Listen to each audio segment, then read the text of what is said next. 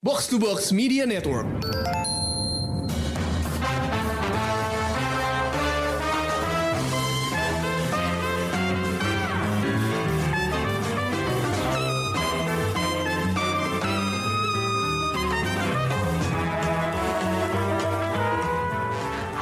Para pendengar Showbox, udah ready buat dengerin review Ant-Man and the Wasp Quantumania?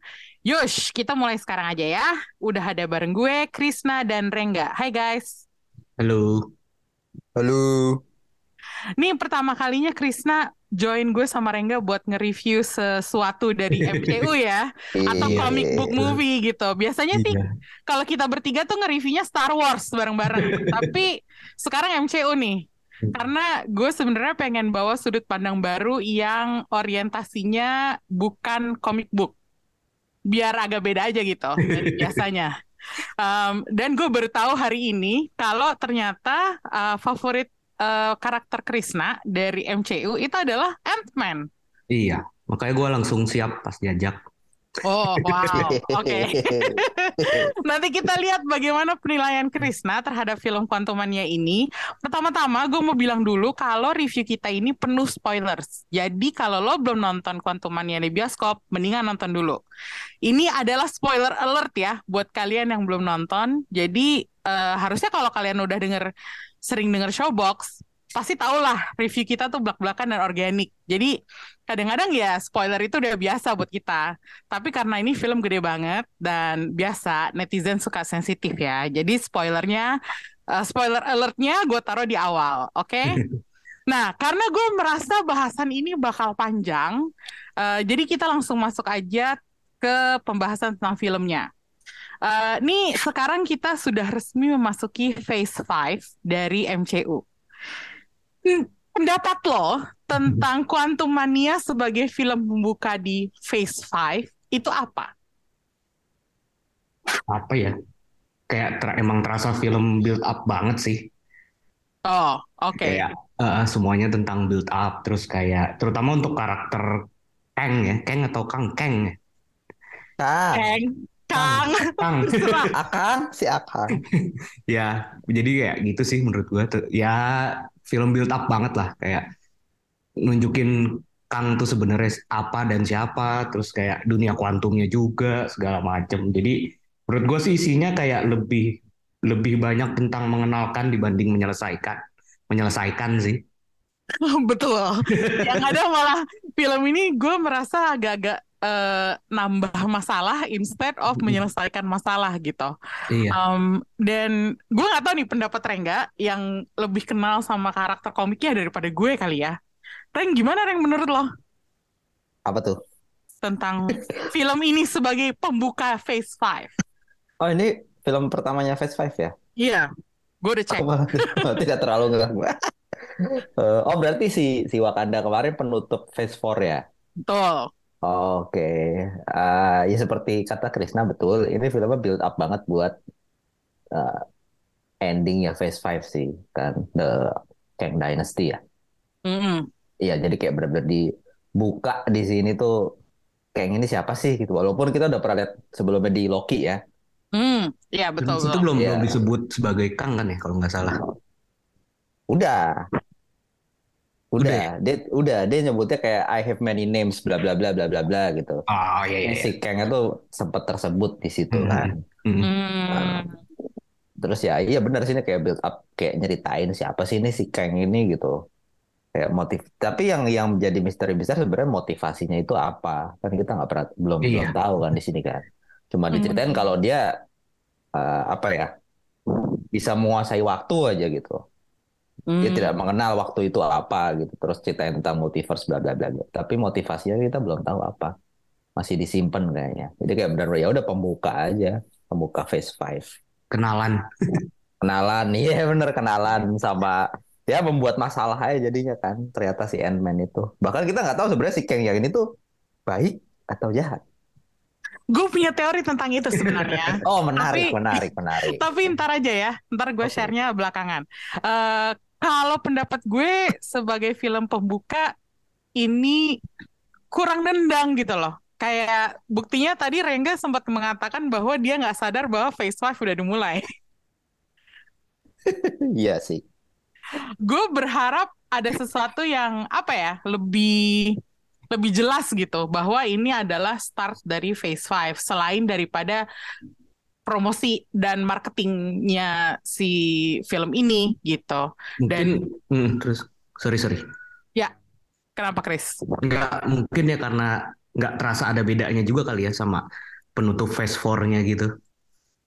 Nah itu dia yang gue pernah bahas sama Rengga adalah Phase 4 itu eh, kan ceritanya ceritanya tuh terlalu nyebar gitu loh. Kayak nih orang-orang lagi pada sendiri-sendiri nih setelah Endgame, jadi mereka belum disatuin lagi, mereka punya dunianya masing-masing, berkutat dengan kehidupan masing-masing, dan akhirnya baru sekarang di Phase 5 rencananya mau disatuin lagi. Tapi perpindahan transisi antara yaitu yang dari mereka sendiri-sendiri sama yang ini itu tuh nggak kerasa, nggak hampir nggak ada bedanya, ya nggak sih? Iya, setuju. Betul. Saya setuju. Jadi Membeo aja gue. jadi ini kalau menurut gue apa ya film yang aneh buat gue karena gue jadi meragukan apakah Phase 5 yang atau Phase 6 yang nantinya bakal berakhir di dua film Avengers itu bakal tetap menarik apa enggak gitu. Gue nggak bilang bagus atau menjual ya. Kalau Hmm. bagus kualitas sih Marvel nggak dipertanyakan. Menjual apa enggak jelas pasti Ya, bakal pasti. menjual gitu. Cuman apakah masih menarik buat fans itu loh yang gue agak Hmm. ragukan gitu. Itu gue ngomong aja di awal. Bahaya sih ya, maksudnya takutnya udah mulai jenuh juga kan. Nah, itu dia. Apalagi terus identitas film ini gue sih nyebutnya ya semacam non-space adventure karena settingnya bukan di space tapi banyak alien seperti di space gitu. Iya, Ini- iya. Menurut lo penggambaran quantum realm di sini tuh gimana sih? Asing, ajaib, atau aneh aja gitu? Wak- gue waktu pertama kali lihat Quantum Realm tuh pertama kali dikenalin di mana ya? Di di Ant-Man, di Ant-Man yang kedua kali ya.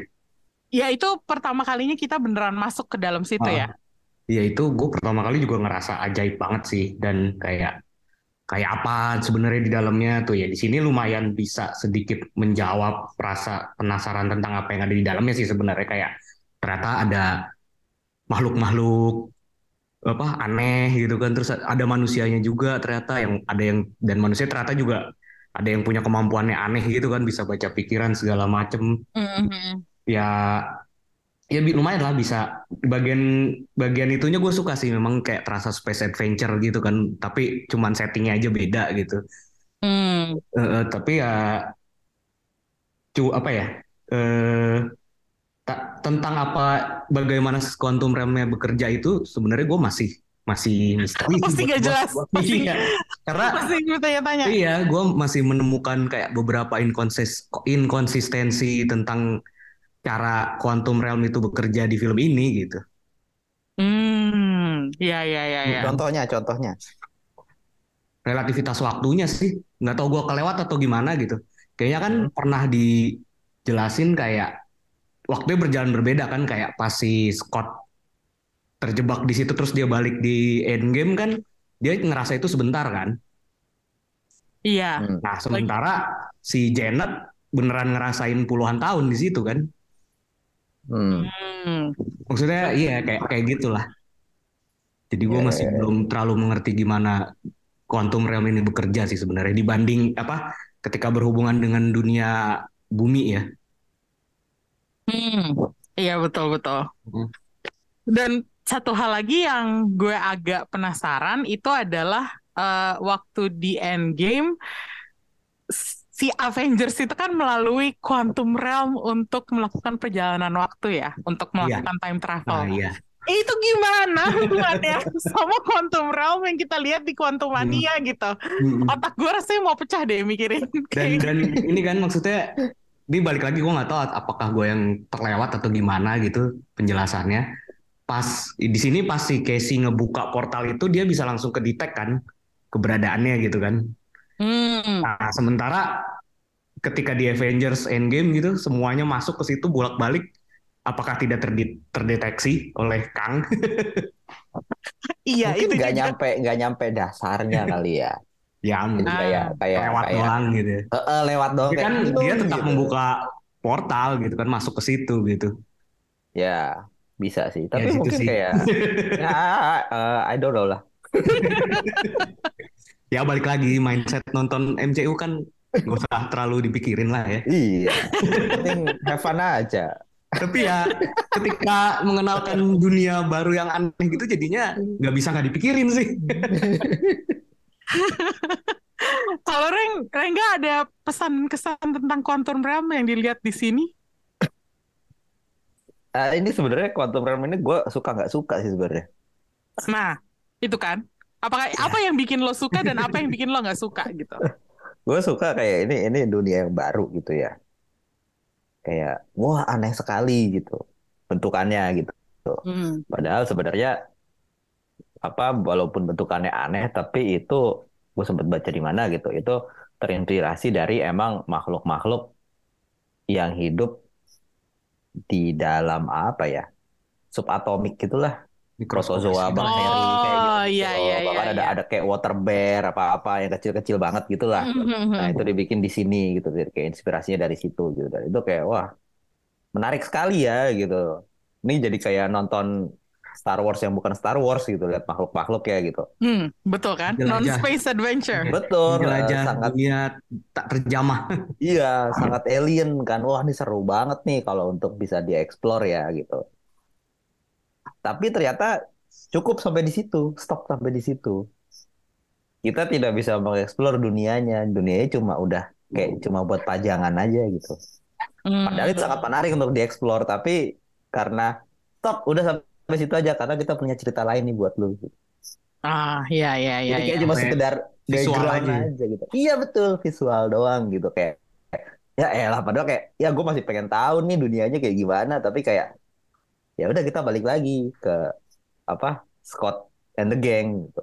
Ya ada nih cerita yang lain Hmm. karena fokusnya bukan di situ gitu. Gitu sih. Dan apa ya, Iya. environment-nya terlihat terlihat ini sih gue kurang ini tuh terlihat fake banget buat gue ya. Ah, Ini di iya. studio, Reng. Ya makanya gue gue udah bilang terlihat, terlihat fake banget gitu kayak kesel gue nonton. Bagus Kayak- tapi fake banget. Kayak Iya, ini, iya. kayak kayak waktu kita nonton trilogi prequel Star Wars gitu kan karena semuanya settingnya di studio Ya terus CG betul. jadi kayak nggak terasa Ya, terasa real emosinya nggak ada gitu kan. Mm-mm. Kayak ya udah gitu bahkan bahkan lightingnya pun kelihatan kelihatan palsu gitu loh. Ya tahu ini Hmm. kayak kayak dunia yang bukan di bumi gitu lah ya kayak. Tapi kayak ya elah fake banget sih gitu ngeliatnya bahkan bahkan tanahnya pun ke- kelihatan palsu gitu loh kayak murahan banget sih gitu. Pakai tanah beneran kayak gitu. Sintetis, tanah sintetis. Iya. Nggak, kayak Um, nggak menyatu sama dunianya gitu karakternya sih kalau Iya, kayak kayak kayak orang-orangnya benar ada di terus situ gitu. setnya sama backgroundnya tuh nggak nggak nggak nyatu gitu nggak ngeblend jadinya kayak kayak Hmm. gatel aja gue nontonnya gitu Iya iya iya. kurang Gua- lebih Gue memahami sih eh, frustrasinya Loreng tentang dunia ini, Eh, tapi Hmm. gue nggak sebenarnya nggak berharap bahwa cerita ini lebih dalam lagi tentang quantum realm karena itu ranahnya udah scientific banget dan ini kan bukan acara science ya. Jadi seperti gue sama Krisna pernah obrolin, kita emang nonton MCU jangan pakai logika deh. Kayak kalau kita pakai logika itu bakal yang ada gak bakal selesai-selesai gitu. Jadi eh, satu hal lagi yang menurut gue agak berhubungan dengan sains dan masih sudah terlihat di Quantumania tapi kurang dijelaskan itu adalah multiverse-nya. Gue tahu nih pembahasan yang Rengga a- agak passionate about gitu. Um, ini Marvel kan sekarang lagi giat-giatnya membangun hype buat multiverse. Nah, apakah multiverse yang terlihat di Quantumania ini sudah terasa seperti multiverse yang sebenarnya atau masih belum? belum ya? Belum. Kenapa? soalnya itu kayak kayak kayak kayak kayak bahkan nggak disentuh ya sama sekali cuma kayak film ini, verbal aja. iya, iya. multiverse multiverse multiverse gitu kan. Emang emangnya lebih lebih fokus ke quantum realmnya sih. Seperti Hmm. judulnya ya quantum mania gitu kayak benar-benar. Itu tapi tapi balik lagi ke ke komplain gue yang tadi. Disebutkan kayak quantum mania. Oke keren. Heboh gitu. Tapi stop udah sampai situ doang gitu Sekedar nama doang ya jadinya. sekedar nama gitu mau dieksplor tapi ada batasnya sampai situ doang karena kita mau kenalin Oh. Kang nih Hmm. gitu Oke, nanti bahasan ini akan kita lanjutkan ya tentang multiverse. Eh, sebelumnya gue pengen nanya Krisna dulu. Kalau Krisna Hmm. sendiri sebagai orang yang tidak terlalu mendalami multiverse di mana-mana, kalau Rengga kan standar tinggi banget tuh buat multiverse. Sampai Doctor Strange aja dia nggak mau nonton karena menurut dia multiverse nonton. Doctor Strange. Oh, kira lo nonton. Oh iya, bisa bilang Nonton film gua. sampah. Eh, dia menganggap multiverse Doctor Strange itu sampah gitu. Eh, kalau lo sendiri, Chris, sebagai orang yang nggak passionate mungkin tentang multiverse, Multiverse. apakah multiverse yang ada di sini udah cukup atau belum buat lo? eh kalau ya di Ant-Man ini ya kayak tadi si Rengga bilang multiverse-nya sebenarnya belum disentuh kan? Nggak nggak nggak ada perjalanan multiverse di sini kan? Cuman dibilang sih kan punya kendaraan pesawatnya itu yang bisa eh, Hmm. pindah-pindah gitu. Tapi ya nggak nggak dia posisinya di film ini lagi terjebak di situ gitu. Jadi nggak nggak nggak menambah pengetahuan gua tentang multiverse di MCU sih film ini sebenarnya Hmm, oke Tapi oke. gue masih sama bingung ya dengan penjelasan multiverse di Loki, di Doctor Strange gitu kayak. Oke, walaupun Doctor Strange menurut gue tuh waktu itu kan kayak dia berdekatan dengan everything everywhere all at All at once, ya. Jadi kayak waktu itu tuh gue menganggap ini kayak Doctor Strange nih versi simpelnya banget nih gitu kayak dia berusaha menyederhanakan itu banget gitu. Hmm. dan itu kurang memuaskan memang dan dan di sini gua nggak menambah pengetahuan apa apa sih tentang multiverse multiverse Hmm. MCU ya Hmm, ya ya ya ya. Oke. Nah, oke, sekarang kita beralih ke filmnya sendiri ya. Eh, pendapat lo tentang film ini gimana? Apa yang lo suka dan apa yang gak lo suka? Mungkin satu hal masing-masing orang sebutin satu hal yang suka dan hal yang gak disuka.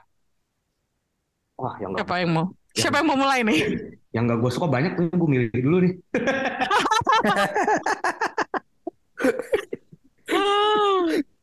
Oke, gue mungkin mungkin mulai dari gue dulu kali ya. Ya ya silakan Ya, yang gue nggak suka itu adalah eh, nggak tahu kenapa tiba-tiba karakterisasinya orang-orang jadi agak aneh aja. gue terutama merasa apa ya, merasa Hank itu jadi terlalu baik. Iya Karena gue sebenarnya menyukai Hank yang agak sarkastis, yang agak kayak kakek-kakek jahat gitu loh. nggak bapak-bapak keren kakek kakek Sinis itu Frankie kan lagi dia Iya, Iya. jadi gue sebenarnya seneng cara dia yang dulu kayak apa sih sering nyolot sama Scott gitu, terus nggak kebapaan, tapi di sini dia jadi berubah gitu. Dan ini agak mengganggu gue. Kok gue nggak seneng ya ngelihat Hank Pym yang kayak gini, caranya dia berkomunikasi sama Scott sama Hope itu juga jadi beda dan apa ya bahkan sinisnya gitu. Sebagai gantinya terus ada si anaknya Scott eh Cassie yang sekarang udah jadi tipikal teenager Gen Z Gen Z berantak tapi dia sebenarnya belum paham cara dunia ini bekerja gitu. Terus dia belum paham cara dunia ini bekerja, dia udah main-main sama dunia lain gitu. Tuh gue jadi agak apa ya? Ini kok karakter-karakternya agak aneh ya. Gue merasa Hmm. kayak wah, kayak kurang solid nih. Malah yang gue suka justru Wah, kalau hmm, sebenarnya kurang poin paling gua nggak suka sama sih sama, sama kayak yang lu sebut tadi sih kurang lebih. Eh ya kan kayak tadi eh, kita udah sempat ngobrol sebelum mulai. And, Mhm. and itu Scotland itu sebenarnya karakter favorit gua Hmm, karena ya dia kan apa ya bener-bener orang yang berbeda dari Avengers yang lain gitu kan. hmm, jadinya ya dia lucu dia maling kriminal gitu bener-bener maling gitu kan terus ketika nonton Avengers, menurut gua Scott Lang tuh sering memberikan kita sudut pandang kalau kita ada di tengah-tengah Avengers gitu loh. Hmm, ya ya ya. Gimana cara dia berinteraksi sama yang lain, dia kayak kayak dia ini ini orang ngapain sih ada di sini gitu kan. Mm-mm. Dia siapa? Mm-mm. Sayangnya film ini karena kayak tadi gue bilang film ini build up banget, itu justru kayak ngorbanin karakter Scott Lang gak sih? Betul. Iya kan? Jadi kayak- Tiba-tiba dia jadi bukan Scott pria. doang, Bang. Hope juga kan jadi kayak Nah, betul. terdegradasi banget gitu perannya kayak kayak ya ya udah gitu doang gitu. Bukan Iya. cerita tentang dia gitu jatuh-jatuhnya kan. Dan judul Ant-Man and the Wasp itu jadi agak-agak kayak Iya. useless nggak sih? Kayak Wasp-nya nggak nggak ada sama sekali. Mm-mm. Dan Ant-Man yang terlihat bukan Ant-Man yang sudah kita kenal Iya, gitu. bu- bukan Ant-Man yang membuat dia jadi sangat menarik gitu di tengah kebiasaan karakter Scott Lang itu jadi menarik di dunia MCU tuh jadi hilang di sini gitu menurut gue sih. Hmm. Mungkin karena ketiadaan teman-teman bodohnya itu kali ya. Iya teman-teman bodohnya itu lumayan efektif sih sebenarnya untuk Ternyata kan ikut nge-shape tone filmnya gitu kan. Iya betul betul. Mhm. Em, sayangnya meskipun di kredit David Dasmalkian Oh iya. itu nggak ada di film ini. Mm-mm. Jadi gue agak-agak kecewa sih waktu Hmm. selesai filmnya terus menyadari bahwa itu cuma nama doang gitu. Mm-mm. Nah kalau Rengga gimana Reng? Apa kekecewaan lo tentang film ini atau hal yang nggak disukain? Si Dasta Macil bukan yang jadi teman jadi karakter yang lampu itu ya? Dia Lampu. jadi ini ya, jadi apa? Motion Oh iya iya iya iya oke oke. I see I see. Bukan karakternya Iya. sebelumnya ya? Bukan, bukan. heeh. Oh oke oke. Jadi ini ya yang yang makhluk tanpa lubang gitu ya. Bukan. Oh, bu- oh yang, Yang- lampu yang yang kepalanya ini, yang- lampu yang- ya. Yang kepalanya Yang lampu. sorot kuning itu. Iya iya Oh, iya. Iya, oke. yang kepalanya lampu itu. Mm. Oke, thanks Kalau for nggak salah ya. correction. Ya pokoknya one of those creatures lah gitu. Hmm. Itu. Apa ya? Yang gue tidak suka ya? Kayak dari tadi udah Cuma gue satu sebutin. loh bolehnya. ya itu du- du- dunianya tuh kayak gede tapi kayak jadinya kecil gitu. Besar tapi kecil gitu. Itu Hmm. yang gue nggak sukanya gitu. Jadi kayak aduh sayang banget sih nih Quantum Realm cuma cuma segini doang gitu ceritanya. Padahal Hmm. kayak eh, banyak yang bisa dieksplor gitu. Tapi gue sempat baca di mana mungkin ini salah satu eh, apa ya hmm, obsesinya si Peyton Reed akan Star Wars juga sih Ya, balik Ah, dia tuh balik lagi ke situ. balik lagi ke situ. Dia dulu soalnya sempat ngerjain eh episode prequel kalau nggak salah. Hmm. Jadi salah satu krunya lah. Tapi kalau nggak salah nggak dilanjut. Jadi kayak mungkin semacam dendam kesumat gitu lah ya. I'll- I'll- mimpi gak kesampaian. iya, I'll make my own Star Wars gitu. Jadi ya bikin kayak gini. Sebenarnya nggak apa-apa Itu juga sih. sih. Cuman yang itu tadi yang agak-agak apa ya mengganggu adalah satu dunianya itu kita kayak terasa Hmm. fake. Terus yang kedua karakternya pada berubah semua gitu. Padahal dia konsisten Iya. kan. Film satu, dua, tiga dia semua yang nyutradarain gitu. Iya. Tapi ternyata esensi dari karakternya malah nggak nggak dapet di film ini gitu. Iya. Kayak dia dia lebih sibuk bikin world buildingnya daripada ngerjain karakternya sebenarnya. Mungkin ya. Ah, oke. Mungkin Iya. ngerasa kayak ah karakternya udah udah solid nih kayaknya si Iya, udah established. nggak usah gitu. diarahin macem-macem, udah tau lah dia mesti ngapain gitu kali. Iya. Hmm. Tapi gue punya sedikit sanggahan sebenarnya, bukan sanggahan sih. Apa Kayak tuh? tentang tentang komplainan karakter tadi gitu. Mm-mm. Kalau si Hank, kalau menurut gue kayak kenapa karakternya seperti itu karena dia udah ketemu sama Janet, jadi melunak. Ah, betul juga Oh sih. iya Bakal dia, dia yang ngebentuk dia cranky-nya itu karena ini ya, Ya ada karena Janet bininya ya. hilang 30 kesepian tahun. dan kehilangannya itu ya, rasa bersalahnya. Sekarang kan Janet udah balik, dia udah happy lah gitu, lebih happy hidup berdua gitu kan. Hmm. Terus kalau si siapa? eh siapa tadi? Namanya? Casey, Scott, Hope, Satu lagi siapa? Hope. Kenapa dia tidak banyak berperan di sini? Mm-mm. Ke- eh, walau apa? tapi namanya ada di judul gitu ya. Hmm. Janet itu kan sebenarnya wasp juga. Jadi Nah, sebenarnya nggak salah di judulnya dong. itu dia, itu bener banget sih, itu bener banget.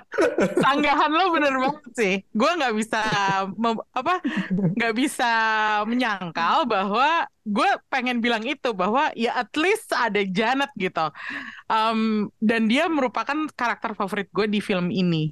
Tapi sebelum kita Hmm. masuk ke karakter favorit, ada nggak adegan yang lo suka atau aspek yang lo suka dari film ini? Ketika ada ini semut meka nongol. Tiba-tiba semut pada nongol, tiba-tiba ada robot gede banget, bentuknya semut. Wah, gue Nah, bersorak. itu kan Keren juga ini banget. kan maksudnya di situ ada time relativity kan sebenarnya. Kayak Iya. kenapa semutnya bisa jadi cerdas gitu kan. Tiba-tiba mereka sudah bangun peradaban Iya kan? Tapi itu nggak bekerja di kayak ada yang apakah ada wilayah yang terpengaruh time relativity ada ada yang enggak itu gue agak makanya itu gue yang bikin gue makin bingung dengan quantum realm sih. Mu, mu, mu- mungkin itu juga menurut gue ya kalau misalkan semut gitu ya, Mm-mm. kan waktu yang berjalan semut dengan manusia itu berbeda. Ya? Hmm. Ya dia punya ini itu udah time relativity sendiri ya. Iya, waktu misalkan 20 tahun untuk manusia kan beda dengan 20 tahun waktu semut gitu Oh loh. iya ya. Ya Jadi iya. mereka jauh lebih Iya, lama iya, gitu iya. jatuhnya, Iya iya. iya. Hmm. ya kan? Apalagi mereka jatuhnya pasti lebih lambat karena mereka lebih Gravitinya beda ya pengaruh gravitasinya ya. Iya, betul. Hmm. Oke oke. Oke udah disanggah lagi. Jadi suka film ini loh sebenarnya, tapi gue punya banyak banyak banyak ini sanggahan. Dan semutnya adalah bagian favorit lo ya, Reng? Ya, ketika semut-semut itu nongol tiba-tiba gitu kayak hero-nya nongol akhirnya. Hank Pym membawa semut-semutnya gitu. Itu sebenarnya salah satu momen favorit gue adalah waktu Hank Pym nongol bawa pasukan semut sih. Itu juga itu tadinya mau gue ajuin sebagai favorit gue tapi nggak jadi karena udah sebut. Kalau Chris lo bagian favoritnya apa Chris? Ini Ant-Man Kagebushin. waktu dia Nah, itu juga keren itu. waktu dia kena probability itu kan. Terus jadi banyak Hmm, dan ya, itu kan ya. pas pas mereka oh, dan lucu kan interaksinya kayak ya Scotland ketemu Scotland nyebelin kan. Terus akhirnya muncul yang pakai seragam Baskin Robin, itu apaan? terus tapi Hmm. terus secara visual itu kan kayak akhirnya Ant-Man jadi beneran kayak Ant gitu kan pas mereka Nah, itu ya, betul, itu. ke atas itu kan beneran kayak semut gitu kan. Nah itu sih itu itu lumayan memukau gue sih pas ini tuh. Hmm. Oke. Itu keren sih adegan itu. Jadi ses- sesuatu yang yang by- yang menyerupai semut lo berdua suka nih kayaknya. Yang satu semut aslinya, yang satu kayak semut ya. Ya, Iya. live up to his name lah, Ant-Man gitu. Kan dia Ant-Man. Iya. Em, kalau gue apa ya? Eh, sebenarnya momen-momen favorit gue di sini eh, itu semuanya berhubungan sama Janet sih. Jadi Hmm. kalau gue harus membahas apa yang paling gue suka dari eh, film ini itu adalah Janet Janet. eh, dan Michelle Pfeiffer memainkan Janet gitu. Ya. Gue suka bahwa di sini dia dikasih cerita background dia ngapain aja waktu hilang di Quantum Realm selama 30 tahun. Dan menurut gue selama ini dia itu tuh statusnya tuh lebih kayak karakter sampingan gak sih di film-film Batman sebelumnya? Iya, Kan iya. dia pelengkap doang gitu. Mm-mm. Tapi ternyata dia di sini dikasih cerita yang menarik. Dan sejujurnya gue sangat simpatik sama dia. Karena ada, ini ada dua adegan yang ngena banget di gue. Yang satu adalah waktu dia seakan-akan mengakui bahwa dia punya affair sama karakternya Bill Murray. Terus yang kedua adalah waktu eh, apa ya? Eh, semua orang mempertanyakan kok dia nggak mau ngomong tentang pengalaman dia di Quantum Realm. Eh, itu adegan reaksi dia tuh buat gue real banget. Kalau buat gue semua jawaban dan reaksinya Janet Van Dyne itu normal. Jadi kayak oke dia masih menikah sama Hank waktu dia semacam punya affair itu, tapi dia puluhan tahun tinggal di Quantum Realm sendirian. Kenapa nggak punya pasangan lain? Ya boleh-boleh aja dong gitu. Manusiawi. Manusiawi gitu. Terus udah gitu, gue bahkan sempat mengira dia bakal sama si Kang loh. Cara mereka berdua duduk waktu lagi ngobrol deket-deketan gitu tuh kelihatan intim banget gitu. Iya, iya. Dan gue agak separuh berharap bahwa affair-nya itu sama Kang juga gitu. Kalau itu kan bisa jadi agak agak beda ya gitu. Dia keburu ngelihat isi kepalanya. Nah, itu dia. Kayak adegan itu cepet banget gitu. Terus uh, abis itu gue juga merasa wajar kalau dia sebenarnya nggak mau bilang apa-apa tentang pengalaman dia di Quantum Realm. Mungkin itu ter terlalu traumatis, buat Traumatis. dia. Jadi orang-orang di sekitarnya ya boleh aja khawatir, tapi kalau dia nggak pengen ngomong ya jangan dipaksa gitu. Gue tiba-tiba jadi, sensitif sih si Hope. iya gue tiba-tiba rada, rada sengit aja gitu sama si Hope um, atau Hank yang kayaknya kayak seakan-akan nuntut dia untuk ya udah cerita aja. Ya kalau nggak ready jangan dipaksa gitu Cuman loh. ini ya, cuman untuk memuaskan rasa penasaran harus mengorbankan Iya. traumatis. Iya, itu dia. Dan ternyata apa yang Janet alamin kan bisa dibilang lumayan membebani dia gitu. Iya, iya. Gara-gara dia tiba-tiba satu quantum realm dapat ke- kena si conqueror ini Iya. yang menyakiti banyak orang gitu. Jadi makanya semua reaksi dia itu satu-satunya yang paling natural kalau buat gue. Jadi Janet itu menurut gue karakter yang apa ya? Yang bukan hanya bisa gue maafin dan toleransi di film ini, tapi gue suka banget gitu. Dan jujur aja Michelle Pfeiffer itu wah class act banget. Kalau menurut gue dia oke banget gitu maininnya gitu. Itulah bagian favorit gue dari film ini ya. Gue nggak tahu kalau lo lo sama Rengga ada hal lain nggak yang lo suka misalnya? Iya, eksplorasinya sih paling selain scene yang tadi ya eksplorasi di sepertiga awal mungkin seperempat apa setengah atau sepertiga awal sih. hmm. Oke. Kalau Rengga ada nggak nih hal yang positif? Ini sih ya sebenarnya banyak banyak bukan banyak sih. Seperti kayak ma- kayak Emi sih sebenarnya interaksi antara Kang sama si Janet itu apa ya? eh bagus. Apa ya Hmm. kata lainnya bagus ya? Kayak natural ya, natural banget Hmm. gitu loh. ya ya ya ya kayak gimana mereka ngomong, gimana ekspresinya, walaupun itu kayak cuma berapa menit kan ya, nggak nggak lama kan ya, Gak lama Itu gak lama kayak- sama sekali kayak itu ngena banget gitu dibandingkan interaksi antar karakter yang lain gitu. Kayak interaksi antara si Scott sama Casey itu menurut gua kayak awkward banget gitu, atau emang sengaja kayak gitu? Iya iya iya itu gue setuju. iya kan? iya Gue nggak tahu itu sengaja kali ya. atau atau nggak sengaja gitu ya, dibikin kayak gitu gitu. Hmm. Kalau kalau dibikin sengaja, gue ngerti mungkin karena si Scott eh, udah lama nggak bareng sama anaknya, jadi kayak kurang awkward, eh kurang kurang apa ya, kurang kurang ngejel gitu ya. Tapi kalau tidak disengaja ya jadi jelek aja gitu loh. Faktor request gak sih? Aneh gitu. Mungkin Ya, jadi chemistry-nya masih nggak tahu juga ya. dapet gitu. Kalau juga menurut ya. gue iya sih ada faktor recast juga karena kan ini aktris Hmm. ketiga yang memerankan Casey gitu. Yang oke mungkin dia harus jadi lebih dewasa. Eh, tapi itu dia si Scott juga ada faktor bahwa oh dia udah lama nggak ketemu anaknya terus tiba-tiba ketemu Udah gede. Terus dia baru belajar lagi jadi bapak gitu. Ya Iya. nggak sih? Iya. Hmm, Tuh. iya. Oke, Em, nih ada satu karakter yang gue pengen obrolin. Eh, karakter ini lo tau dong siapa? Modok, Modok. Karena gue udah lama banget pengen lihat si Modok dari dulu. Waktu gue kenal dia di komik, eh gue merasa wah ini kayaknya bisa jadi villain yang seru banget nih ya. Dan gue pikir tadinya dia bi- bakal cocok jadi musuhnya Iron Man gitu. Tapi setelah melihat betapa mengerikan bentuknya, gue merasa oh oke ternyata dia cocok jadi musuh eh, seorang superhero lain di MCU em, yang dunianya seajaib se- si Quantum Realm gitu. Dan apa ya, gue antara takjub sama geli, kayak wah se- sejelek itu kah gitu.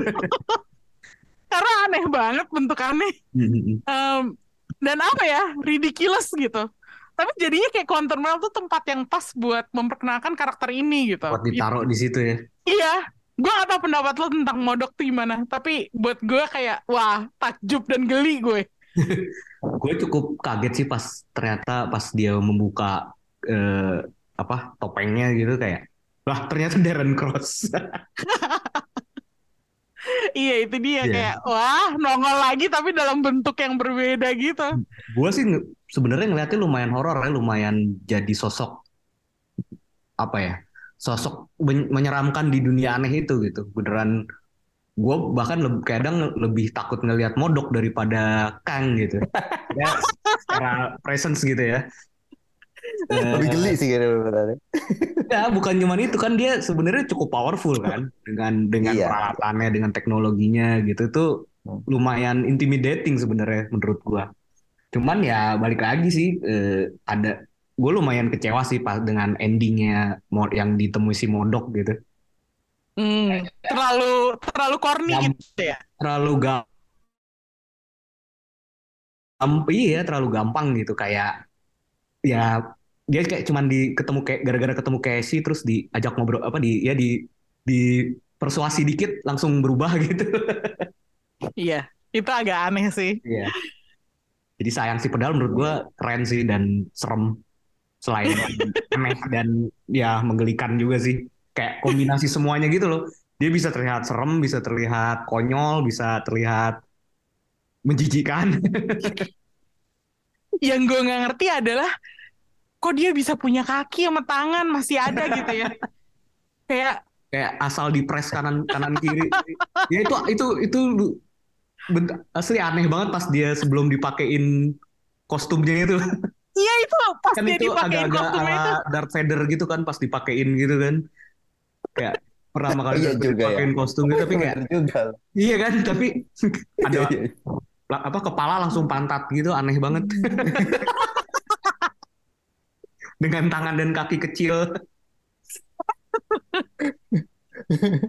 Kalau menurut tangan kakinya tuh normal tahu, palanya aja gede. kagak lah orang telapak tangan doang normal apaan sikutnya aja nggak ada. Ukurannya normal, ukurannya normal. Hah? Ukurannya normal. Tangan sama kakinya tuh, lu pas pas si Scott dipegang sama Modok kan tangannya normal tuh. Gitu. Oh iya yang palanya dipegang-pegang itu ya, mukanya dilus-elus. Iya, bukan dipegang dilus-elus. ih, geli banget sumpah. gede. Sumpah geli Tapi banget. itu kagak ada kagak ada lengannya, Reng. Cuman segitu doang udah. Iya, mas gitu doang. Tapi kalau buat lo Reng geli juga nggak atau atau jelek atau atau gimana? Aduh, gue sebenarnya menyayangkan sekali sih kenapa Modok dibikin mati ya. Oh, Iya. lo suka berarti sama modok di sini? Suka gue, suka gue. Hmm, oke. Eh, apa? Dia Ini menjadi salah satu agak, karakter hmm. karakter apa ya? Karakter eh, nggak bisa dibilang favorit, tapi gue cukup suka gitu. Hmm. Apalagi gue kan sempat nonton kalau ada yang tahu yang serialnya Modok yang kartun, Hmm, hmm, yang animasi. Itu gue suka banget sebenarnya yang, yang Patton Oswalt. hmm. Ya, ya. Itu itu gue mulai ngefans sama Modok di situ sebenarnya kayak anjing karakter aneh banget. Tapi Tapi lucu. Darren Cross ya.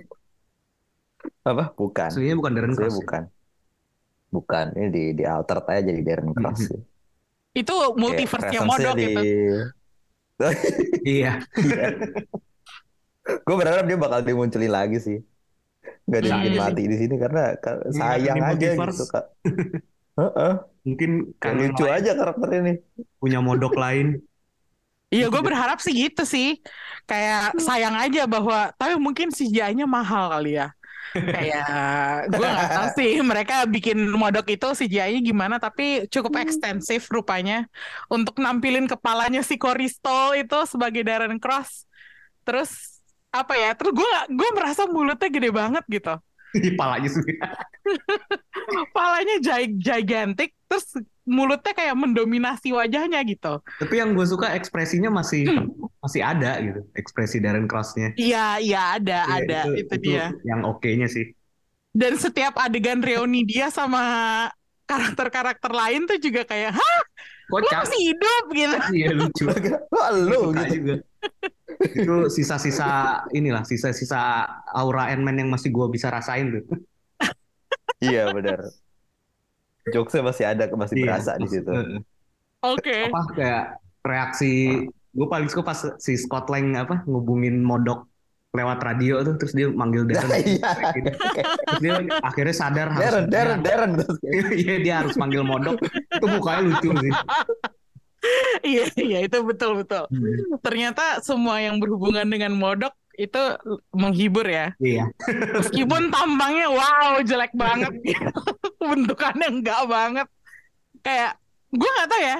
Gue kalau kita menilai Kang sama Modok sebagai villain di sini itu gimana sih? Apakah mereka villain yang sukses atau enggak atau gimana? Apa yang bisa lo katakan tentang Kang di dunia Quantum Mania ini eh, dan sebagai villain secara keseluruhan?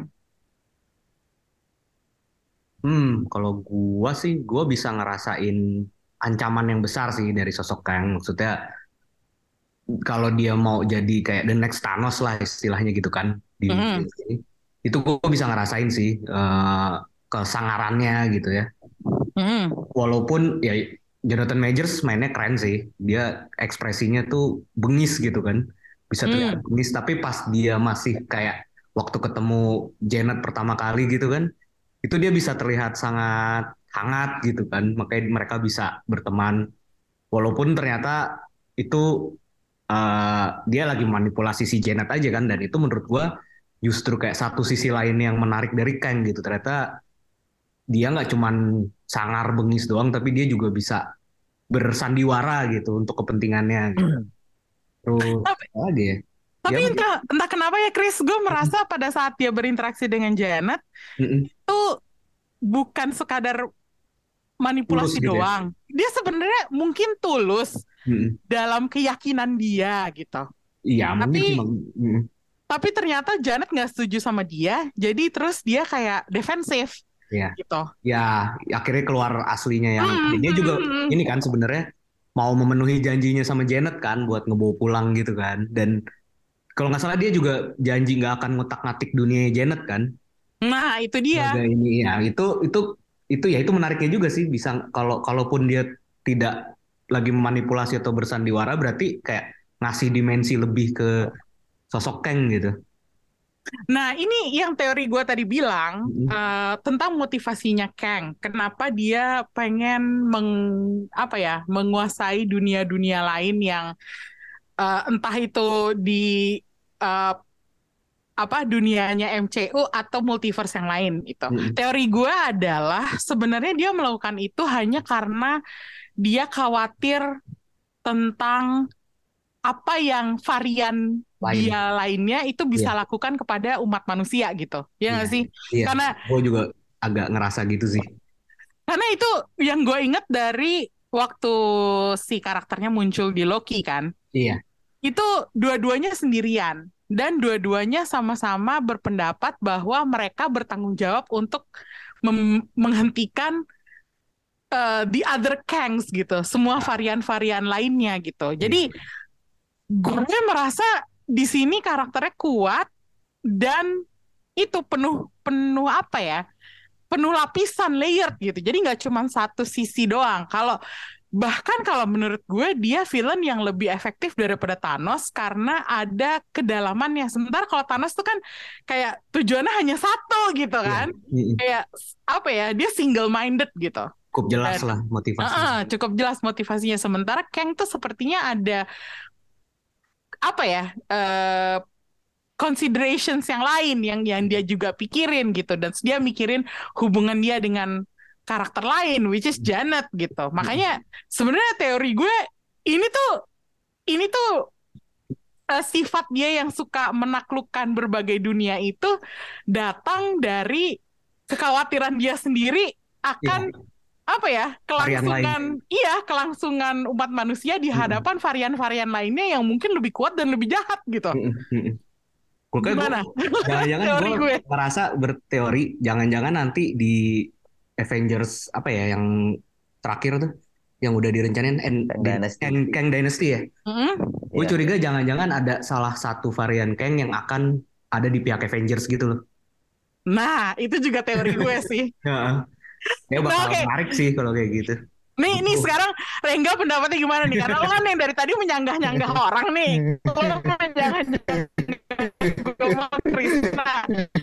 Gue pengen tahu pendapat lo tentang si Kang gitu. Apa, apa apanya nih? Iya, gimana be- Tentang karakternya, tentang karakternya, apa? teori lo atau apa aja lah tentang Kang. Eh, kalau dari teorinya sebenarnya ada alasan sih pasti kenapa Kang versi yang ini tuh diasingkan sama Kang-Kang yang lain. Hmm. Makanya Ya. tadi gue bilang mungkin sebenarnya Kang ini eh, dalam tanda kutip gitu ya baik gitu loh. Dia justru Hmm. ingin Greater good lah ya. Kang-Kang yang lain gitu, Heeh, for the greater good gitu. Hmm. Dia pengen justru pengen keluar dari sini, pengen menghentikan ya Kang-Kang yang lain gitu kayak ya lesser than to evil jadinya gitu. Makanya Hmm. dan mungkin juga yang dilihat si Janet pas dia mengakses pikirannya si Kang itu bukan Kang yang itu. Nah, itu Koneksi dia. ya. Terkoneksi jadinya gitu. Mungkin dia melihat Kang-Kang yang lain menaklukkan dunia yang lain tapi bukan Kang yang ini gitu loh. Heeh. Tam- tampangnya sama semua soalnya. Iya. Soalnya sama semua bukan. Dan dan Janet mungkin di saat itu belum tahu tentang multiverse gitu kan. Iya, heeh. Jadi sangat ada kemungkinan seperti itu. Apalagi pas yang endingnya kan si Scott bilang kan kayak- kayaknya gua apakah gue melakukan kesalahan gitu. Bener gak sih ini gitu. Kan dia bilang sesuatu yang buruk akan terjadi. Bener gak ya gitu kan. Bisa jadi seperti itu gitu. Kita udah lihat dua dua Kang yang mengaku sebagai Kang yang baik gitu kan. Kayak Mhm, si Emi mhm. bilang tadi di Loki sama yang di ini gitu kan. Berarti mungkin bisa jadi Kang yang ini beneran baik gitu. Tapi Kang yang baik udah kita bunuhin gitu kan. Saya dibunuhin sama sama jagoan Yang kita gitu. Kekuatannya yang dibutuhkan untuk ngelawan Betul. jutaan Kang lain. Masalahnya terus di ACS-nya, lo nonton kan ACS-nya? Ya. Maksudnya itu Ya. itu sebenarnya ACS yang pertama itu bikin gue freak out banget karena itu nampilin banyak banget Kang dan dia nggak cuman 10 apa beratus-ratus gitu tapi sampai miliaran gitu. Maksudnya Barbar ya. Benar gitu. Dan maksudnya kalau misalnya itu semua Kang yang jahat doang sementara Kang yang baik pada nggak dipanggil gitu. Maksudnya apa jadinya universe ini gitu kan? Kayak itu Iya. bikin gue freak out banget. Dan apa ya udah gitu ditambah si ACS yang kedua yang ada penampilannya si Loki dan si Mobius M Mobius itu. maksudnya ini kenapa mereka eh, menunjuk si apa ya menyorot si Kang yang mereka lihat di abad 19 apa 18 itu gitu. Ya, ya. Kenapa harus dia yang Hmm. mereka bilang he's the one gitu. Hmm, hmm. Itu bikin gua rada takut deh. apa ya? Gue nggak tahu gimana eh, mau menginterpretasikan apa ya? eh, dua ACS itu.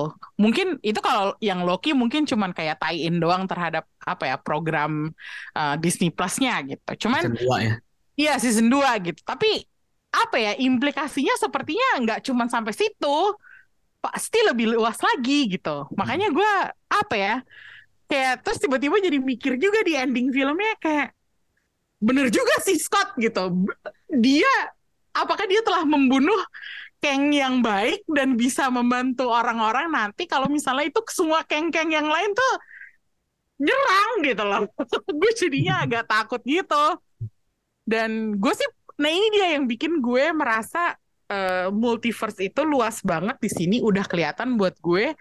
Itu adalah di adegan ACS yang pertama itu, di mana versi varian variannya Kang itu muncul semua. Karena gue pernah nonton dokumenter nih, kalau nggak salah itu acaranya Neil deGrasse Tyson. Tapi gue lupa apakah itu kosmos atau bukan. Di situ dia bilang kalau jagat raya kita itu hanya besarnya tuh hanya satu buih dari miliaran atau jutaan busa yang berkumpul gitu. Nah nyatanya itu yang terjadi di sini. satu Kang itu sama sekali bukan yang terakhir, bukan yang pertama, bukan yang terakhir. Itu makanya bikin gue freak out tuh gara-gara implikasinya adalah wow ternyata Kang itu bisa segitu banyaknya sampai jadi kayak busa gitu loh Hmm. kelihatannya di di adegan itu gitu. Makanya gue eh, agak-agak cemas gitu. Kayak apa ya? Em, terus gue jadinya merasa endingnya kurang reassuring. Iya. Kayak Scott ragu bahwa dia telah eh, berbuat yang benar, mungkin dia berbuat kesalahan. Dan kalau disambungin misalnya ya, gue kemarin kepikiran sama trailernya Guardians of the Galaxy Volume 3 yang rasanya juga kayaknya kok ini tone-nya agak off gitu. Terus ada indikasi bahwa sesuatu besar nanti bakal terjadi dan berpengaruh ke timeline. Ini gue jadi nggak tahu nih masa depannya eh, karakter favorit kita di MCU tuh gimana gitu. Gue nggak tahu deh pendapat Mati. lo. pendapat lo tuh berdua gimana gitu terhadap semua teori-teori ini gitu. Hmm. Sebenarnya kayak kayak kalau kalau dibilang filmnya eh, ending yang mengkhawatirkan, yang memang mengkhawatirkan. Mungkin itu yang pengen dibangun di sini kayak Hmm. kayak ini beneran Phase 5 itu sih bakal keng semua sih kayaknya gitu. Hmm. Kayak bener-bener eh, kekhawatiran Scott itu beralasan gitu loh. Hmm. Kayak kayak mencoba menghadirkan itu sih, sense itu sih sebenarnya. Makanya Hmm. tapi itu jadi juga jadi kayak membuat film ini nggak kuat menurut gua karena terlalu banyak build up ke situ gitu loh. Hmm. Jadi kayak ya karakter Ant-Man-nya jadi sedikit terpinggirkan ya. Walaupun ada kayak cerita dia harus membangun apa ya koneksi dengan Casey tapi kayak lebih banyak berat ke Kang-nya juga kan. Hmm. Lebih ke situ sih. Heeh, tapi kalau dari overall perkeng-kengan itu hmm, Kang ini karakter apa ya villain yang serem sih menurut gua. Seremnya seremnya beda sama Thanos ya. Kalau Thanos tuh kayak seremnya kayak badannya besar gitu, lu deket dia suatu saat lu bisa digampar, diga- digampar mati gitu kan. Plak, gitu. Kalau kalau kalau si Kang itu lebih kayak yang lu deket-deket dia tapi kayak lu serem aja gitu, presence aja udah udah udah, horor gitu. Apalagi Mm. kayak karakternya manipulatif banget kan, lu bisa ngomong manis tapi bisa tiba-tiba kayak lu ditembak tuh mati gitu. Kayak Hmm. moodnya tuh tidak bisa di apa ya Tebak. ditebak gitu loh. Heeh. Jadi Hmm. kayak beda aja tipe tipe villainnya dan dan jujur gue lebih lebih serem ngadepin Kang sih kalau Nah, itu dia. Maksudnya kebantu juga, kebantu juga Iya. kan sama penampilan Jonathan Majors yang lo bisa Betul. ngeliat wajahnya, lo bisa ngeliat ekspresinya, mimiknya gitu. Iya. Iya, Kayak bisa- semuanya- kan bisa yang bisa CGI gitu. Mm-mm. Lu bisa main seserius ini di film komik comic book movie gitu loh. Iya, itu dia. Makanya gue agak-agak sebenarnya rasa takut itu datang dari apa ya? Iya, tadi lo bilang presence-nya intimidating gitu. Tapi juga karena dia wajahnya tuh sama seperti wajah manusia gitu. Mm. Kayak bukan Iya. alien, bukan sesuatu yang asing manusia. gitu kan. Iya sih? Kayak ya udah ini Orang adalah gitu. orang gitu, orang gitu. Makanya gue apa ya? Iya, gue setuju sih. Manusia tapi dia pengetahuannya udah beyond aja gitu kan. Iya, iya itu dia. Hmm. Dan gue jujur aja gue sama kayak Rengga, gue sih lebih sepertinya bakal lebih prefer Kang Kang. sebagai villain daripada Thanos. Iya. Gu- Kalau gue sih gue lumayan suka dengan endingnya yang justru Scott penuh keraguan-raguan itu ya, yang kayak lu bilang tadi agak reassuring gitu. Tapi ya itu karena memang ternyata ya film ini memang film build up gitu ya. Mm-mm. Terus apa ya? Mungkin kayak kalau tadi Rengga bilang film MCU setelah ini bakal berurusan dengan Kang terus itu juga mungkin untuk menjawab kritikan film MCU selama ini kan karena sa- salah satu dari sedikit hal yang sering dikritik dari MCU itu kan sosok villainnya yang kadang kurang menonjol gitu kan. Jadi Betul. kayak, nah ya udah sekalian nih dikasih super villain yang bakal nongol mulu di mana-mana gitu karena emang dia ada di mana-mana gitu kan. Jadi Hmm. ke ke ke endingnya itu kayak oke berarti Phase 5 nih masih ada harapan lah, masih ada sesuatu yang besar yang bisa kita nantikan gitu. Itu sih. Hmm, masih ada selling point-nya gitu ya? Iya, masih ada yang bisa kita tunggu gitu. Hmm, oke. Gue ya oke sih. Maksudnya kalau kita ngomongin Kang-nya udah jelas ini acara dia sekarang. Phase 5, Phase 6 Iya. semuanya bakal jadi Kang. Iya. Dan apa ya? Berarti ini akan berpotensi apa ya untuk meminimalisasi peran si karakter utama, ya nggak sih? Kayak karakter utamanya jadi terpinggirkan, ya nggak sih? Semoga nggak nggak selalu terjadi Iya. di film-film lainnya ya. Cukup Ant-Man aja yang dikorbankan lah. Hmm, tapi gue nggak tahu apakah itu bisa cuman Ant-Man aja. Maksudnya, apakah Konsekuensi kayaknya sih ya ketika mau menghadirkan sosok film iya yang itu eh, maksudnya- saat menonjol powerful ya otomatis agak mereduksi si pahlawan-pahlawannya lah ya. bahkan Loki aja sama Kang di apa di serialnya dia Heeh. yang season kemarin itu sampai muncul Jonathan Majors, gue merasa serialnya biasa aja. Begitu Jonathan Majors nongol, baru menarik Hmm, gitu loh. Jadi iya. gue gue kok merasanya kayak wah udah fokusnya udah beda nih, udah bukan ke heroesnya lagi Iya. gitu. Malah ke Mungkin si itu- gitu. Iya, hal yang coba hal baru yang coba di ini kali ya, dikeluarin sama MCU kali ya. Bisa jadi sih. Ya itu kan balik lagi. Selama ini kan di luar Thanos gitu villain-villain yang muncul di satu film satu film doang gitu kan ya gitu aja gitu kan biasanya nggak ada yang memorable bahkan buat Hmm. sih. Oke. Oke. Em, ini ya mau ada yang dikomentarin lagi, Reng, selain apa yang udah kita obrolin tentang Kang, tentang MCU. Biasanya kan lo yang suka cari-cari berita. Apa ya? Enggak sih. Nggak ada. Sudah sudah sudah cukup dari saya. Sudah cukup dari. Oke, eh, kalau kita bisa ngasih rating bintang nih untuk film ini, itu berapa? Kalau untuk film ini aja ya tiga lah kalau buat gue. Tiga ya? Tiga bintang dari lima ya. Hmm, oke. Kalau Rengga, Sama sih tiga bintang. tiga bintang ya?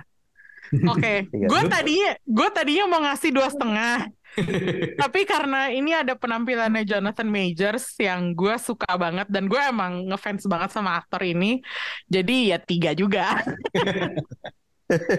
Nah, ini sih sama kalau buat gue juga diselamatin sama Michelle Pfeiffer sih. Kayak Oh, iya. paruh awal tuh sebenarnya dia pemeran utamanya. Gue juga merasa Emang kayaknya kayak lebih, lebih fokus ke situ gak sih? Iya. Fokusnya ke Janet banget gitu. Berat di dia. berarti Ant-Man-nya tetap Scott, The Wasp-nya jadi Janet ya, yang ada di judul. Iya bener. Bener, mereka nggak bohong. Mereka nggak janji palsu menjual karakter Bener lain dong. selain daripada Ant-Man dan The Wasp, The Wasp, tapi The Wasp-nya harus diganti sedikit. Bukan Hope, tapi Janet gitu. Back to the original Wasp. Iya, OG, OG Wasp. Iya, betul. Oji Wasp betul. Evangeline Lily-nya gak, mau vaksin sih. Jadi ya Makanya di reduce loh. perannya gitu doang ya. Iya segitu doang. Bahkan kemarin ada ada ada yang ada yang apa? Ada yang ngitungin kalau nggak salah. Lines dia tuh cuma sedikit banget gitu. Coba berapa scene gitu. Iya nyampe 10. Begitu nongol kayak cuma kayak Hah, apa yang terjadi? Udah gitu doang. Kayak Dikit-dikit pendek-pendek banget gitu lainnya gak ada yang panjang. Semua gara-gara vaksin ya ternyata. Oke. Iya. Tapi buktinya Leticia Wright dapat peran utama di Wakanda Forever. Kalau nggak salah kan dia akhirnya Iya udah sih. divaksin. Oh, oke. Ini politik banget sih pembacaran Gosip. kita. Gosip. Gosip artis nih kita jadinya. Udah. Oke okay guys, thank you udah dengerin review Ant-Man and the Wasp Quantumania dari Showbox Podcast. Kita ketemu lagi di review-review yang lain. Thank you, bye-bye.